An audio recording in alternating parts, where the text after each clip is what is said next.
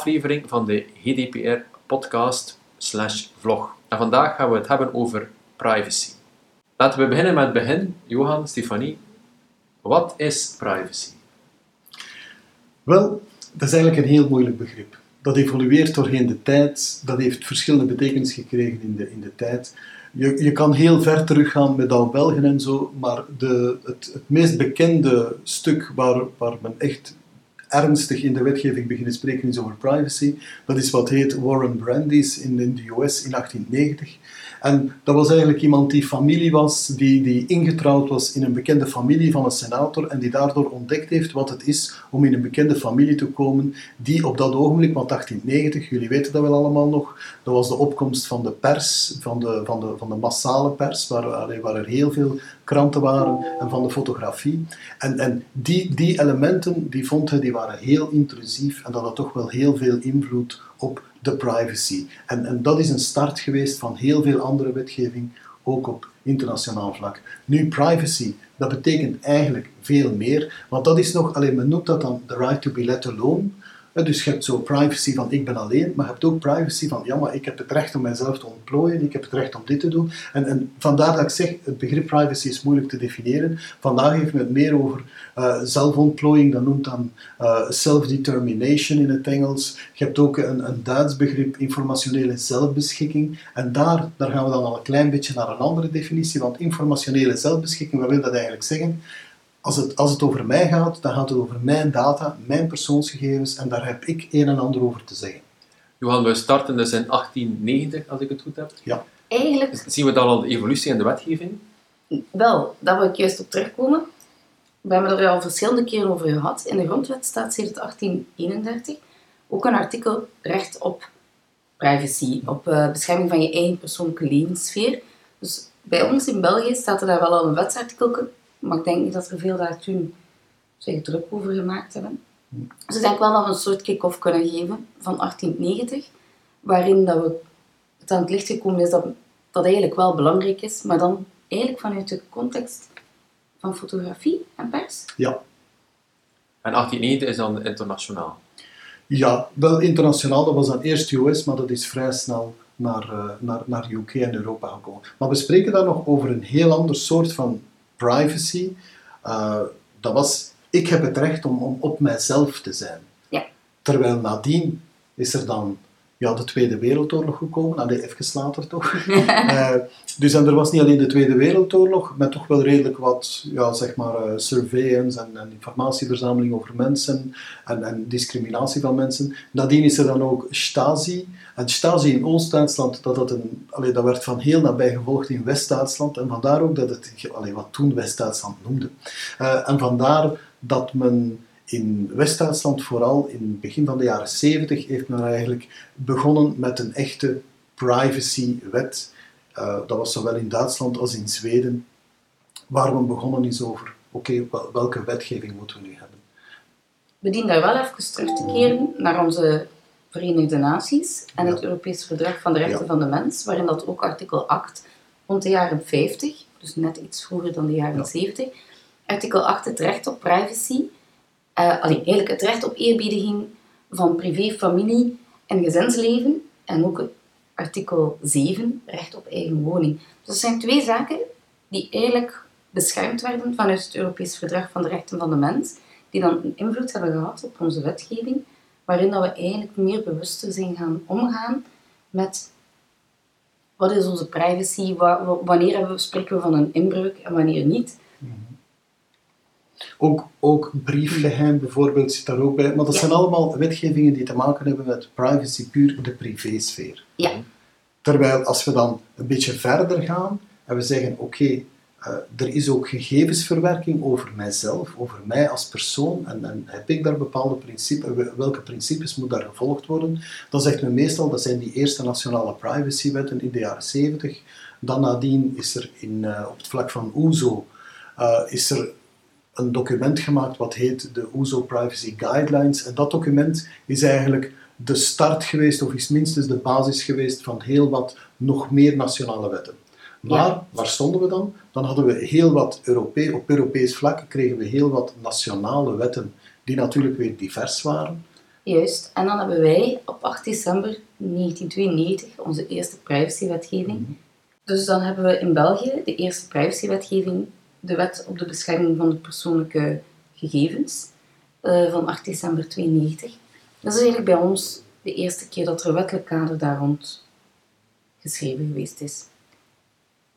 Ja, maar dat was ook maar één van de vele EU-landen die ook weer al een privacywet Ja. aan het maken was. En dus kwam er op EU-vlak dan een initiatief om dat te proberen uniformiseren. En dat is dan gebeurd in 1995. Ja, 1995, 96, dan zijn ze begonnen aan de eerste richtlijnen te schrijven Ja. voor onze huidige wet, de AVG. Ja, het was, er was een Data Protection Directief in 1995. Dat Data Protection Directief, dat moet dan vertaald worden, omdat het een directief is in EU-termen, dat moet dan vertaald worden weer eens in nationale wetten. Dus zo heeft ieder land dan nadien een interpretatie gemaakt van dat directief. En eigenlijk is de GDPR nadien dan ontstaan vanuit het standpunt, goh, zo'n directief dat op heel wat, eh, ja, zeg maar, eh, op, op heel wat manieren wordt anders geïnterpreteerd in diverse nationale wetten. We kunnen dat beter, we moeten dat vermijden en we moeten gaan naar één algemene wet die voor, heel, die voor alle EU-landen geldt. En dat is dan de AVG of de GDPR. Dus de GDPR is gestart in 95, Nee, nee. mogen we nee. dat zeggen? Eh, De, de kiem is daar... eh, de- Ja, Ja. de, daar is eerste, E- op ja. Ja. de eerste EU-wet komt, eh, is gestart in 1995 en dan eigenlijk de tweede EU-wet is dan ja, gestemd in 2016. Nu, we hebben het daar net ook gehad over de wet van 92, was het dan ook een, een beschermend autoriteit, om zo te zeggen. Ja. De, de, gegevens, eh, de Commissie voor de Bescherming op de Persoonlijke Levenssfeer. Als je dat nu hoort, dat het nu de gegevensbeschermingsautoriteiten zijn, merk je dat er daar wel een verschil is. Dus de eerste was inderdaad op de persoonlijke levenssfeer, op uzelf, terwijl nu gaat het voornamelijk over gegevensbescherming. Dus nu hebben we het over gegevensverwerking, gegevensbescherming. Is dat makkelijker dan de privacy en wetten te gieten? Het is, privacy is eigenlijk ruimer. Ja, privacy is ruimer, maar het is inderdaad moeilijker, moeilijker te vatten, omdat het zo breed is, omdat er zoveel interpretaties zijn, terwijl bij gegevensbescherming je verwerkt, ten eerste het woord gegevensbescherming, het gaat over bescherming van persoonsgegevens. Dat woordje persoons, ik vind dat wel nogal vervelend dat dat daar nooit bijgezegd wordt, maar het gaat dus over bescherming van persoonsgegevens en er worden persoonsgegevens over jou verzameld, door wie, door welke organisatie, waarom, wat gebeurt daarmee. Allee, heel, dat, heel dat aspect, dat kan je een stuk meer bevatten en een stuk gemakkelijker in een, in een wettekst, allee, daar een wettekst rond te gieten. Ja, en dan moet je ook zeggen, we hebben de evolutie van de tijd daar net gehad. Vroeger was het een stenen tijdperk, om het zo te zeggen. En we zijn meer en meer met informatie beginnen verwerken van schrijven naar typen, naar onze computers. Plus, de manier waarop gaat veel sneller dan vroeger. Dus we hebben daar ook geen controle meer over. En eigenlijk heeft de wetgever ook een bepaalde manier dit willen beschermen voor de mensen die daarmee vertrouwd zijn, want onze kinderen groeien daarmee op en die staan er eigenlijk niet bij stil. Ja, dat klopt. Op dat vlak is er ook een, ja, als, als je naar al die wetgeving kijkt, was die eigenlijk in de eerste plaats gericht tegen de overheid, de veel te intrusieve overheid. Denk aan de Stasi, die informatie over jou verzamelde, die surveillance deed, die, die daar allerlei zaken mee deed. Terwijl vandaag, als we het hebben over gegevensbescherming, dat gaat natuurlijk ook over de overheid, maar dat gaat ook over de Googles en de Facebooks en, en ook allerlei andere kleine bedrijfjes die informatie over ons als, als personen verzamelen. Dus op dat vlak is er ook wel een evolutie van overheid naar allerlei organisaties. Ja, Dus als ik het goed begrijp, de, het Snowden-verhaal Ja. is maar een heel klein stukje in het privacy-verhaal, waaronder het soms opgehangen wordt. Ja, Snowden is, eh, Snowden is, is enorm gericht op dat privacy-aspect. En dat is, één, dat is één onderdeel, maar dat is zeker niet, zeker niet het enige. Ja. Er is wel nog een aspect natuurlijk dat Snowden het ook, het ook heeft over de verzameling van persoonsgegevens door de Googles en de Apples en de Facebooks. En de overheid, in plaats van via surveillance zelf die data te gaan verzamelen, gingen ze gewoon ofwel gaan halen ofwel gaan stelen bij die organisaties. Dus op dat vlak Hm. allee, is, is er toch een verband tussen surveillance en gegevensbescherming. Ja. we horen vaak over, allee, in het nieuws gaat het heel vaak over privacy. Mijn vraag is, overdrijven we niet gewoon? Maar als we inderdaad kijken naar, naar generaties na ons, twee generaties na Johan, één generatie na ons, dan, eh, dan, zijn die daar veel minder mee bezig. Overdrijven we niet? Ik vind persoonlijk van niet. Maar ik versta wel waarom dat de redenering daar is. Omdat als je iets wil doen, zoals bijvoorbeeld mijn kinderen, als ze een spel willen spelen, moeten ze al login hebben. Moeten ze eigenlijk die data al geven, alvorens dat ze kunnen starten. Dus voor hen staan ze daar niet echt bij stil. Maar natuurlijk, allee, ik vind voor mezelf, als ik daar naartoe ga gaan kijken, als ik zie wat China doet, als ik kijk hoe dat de gegevens in Amerika gewoon te grabbel gegooid worden, als je ziet wat er gebeurd is met, met Facebook en de verkiezingen, hoe dat ze bepaalde data van jezelf gaan gebruiken om eigenlijk profielen mee op te stellen, om andere stempels te maken, dan, en dat dan gaan gebruiken voor jezelf te manipuleren, in een bepaalde zin natuurlijk, dan vind ik dat toch wel schrikwekkend in die zin. En als ik dan kijk, China is heel anders, die gaan dat meer gaan gebruiken om te maken dat je in de pas loopt, dan vind ik dat ook niet positief. Want eigenlijk kun je niet meer, neem een kind, met als je kijkt van, eh, ze gaan nu iedereen gaan filmen dat daar in de pipeline zit, facial recognition daarop, gaan gaan zien hoe goed dat je het doet om af te stempelen, hoe is uw strafregister, hoe is uw normale verloop van het leven. En je kunt, als kind kun je al geen kind meer zijn, en als, je kunt ook iets meer experimenteren. Het kan nu niet zijn dat iedereen in de criminaliteit moet gaan lopen, maar het is wel zo dat je moet je grenzen gaan verkennen om jezelf te gaan ontwikkelen. Natuurlijk, dat is goed dat dat slecht milieu afgebakend wordt. Maar ik, ik denk wel dat er op een bepaald moment uitbraken gaan zijn naar een, dar, allee, een donker circuit, om zo te zeggen. Dus, dus is, is, het ook niet een, ver- is dat niet een verhaal van privacy? Is dat niet eerder een verhaal van security? Mijn data, mijn persoonlijke gegevens worden verzameld en we zien dat liever niet gebeuren uit schrik dat ergens een bedrijf een slecht security beleid heeft. Maar dat hangt wel samen, maar we spreken wel eerder over profilering. We gaan eerder Ja, gaan voorspellen wat er iemand gaat doen en op basis daarvan al gaan afstraffen. En dat vind ik niet Ja, maar gaat het al zover? Ik vind in die, allee, een, heel stuk van overdrijven we niet met al die privacy, en ik vind dat allemaal niet nodig, heeft, heeft te maken met ons, ons eigen onbegrip en, en ons niet bewust zijn van wat er gebeurt. Als iemand in een bibliotheek gaat, voor de onliners onder ons, een bibliotheek is zo'n gebouw waar van die papieren boeken staan. Hè.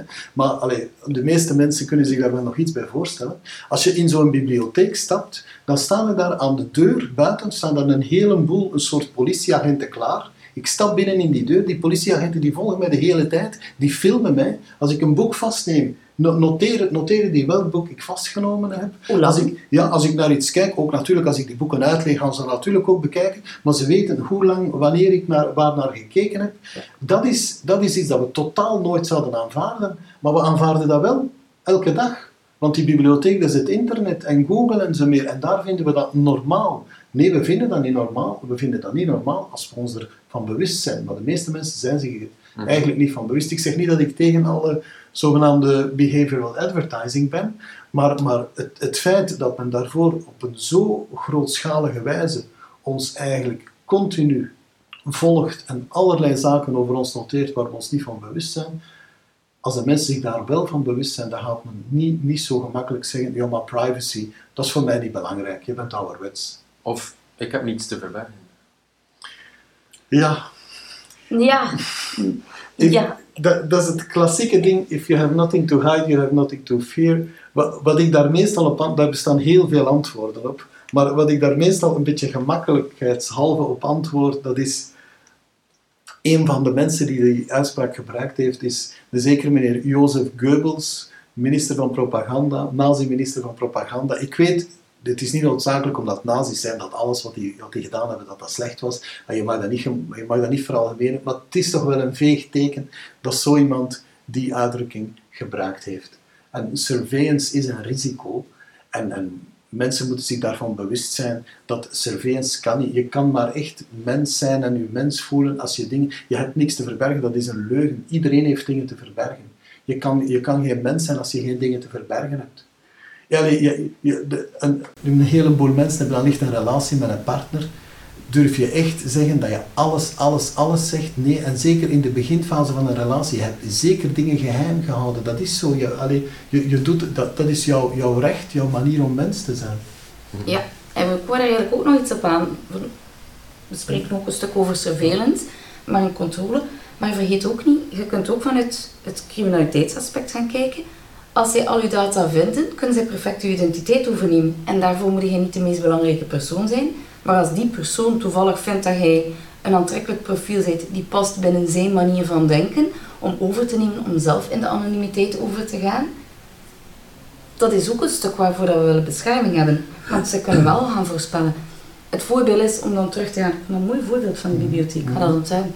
Een ander voorbeeld, als uw nummerplaat gestolen wordt en je krijgt een boete, een flitsboete, en die is niet van u, dan ga je daar ook tegen protesteren. Maar je gaat dat vrij snel zien dat iemand anders uw, uw nummerplaat gaat gebruiken. Maar gaat dat niet op zien als iemand dat gaat doen, uw online identiteit overnemen en in naam van u gaan, gaan spreken. Mhm. Dus dat zijn zo de, de paar dingen van, you have nothing to hide. Ja, misschien niet, misschien wel. Ja. Maar als je er een algoritme op loslaat en je kunt voorspellingen maken en je wordt afgestraft op een voorspelling,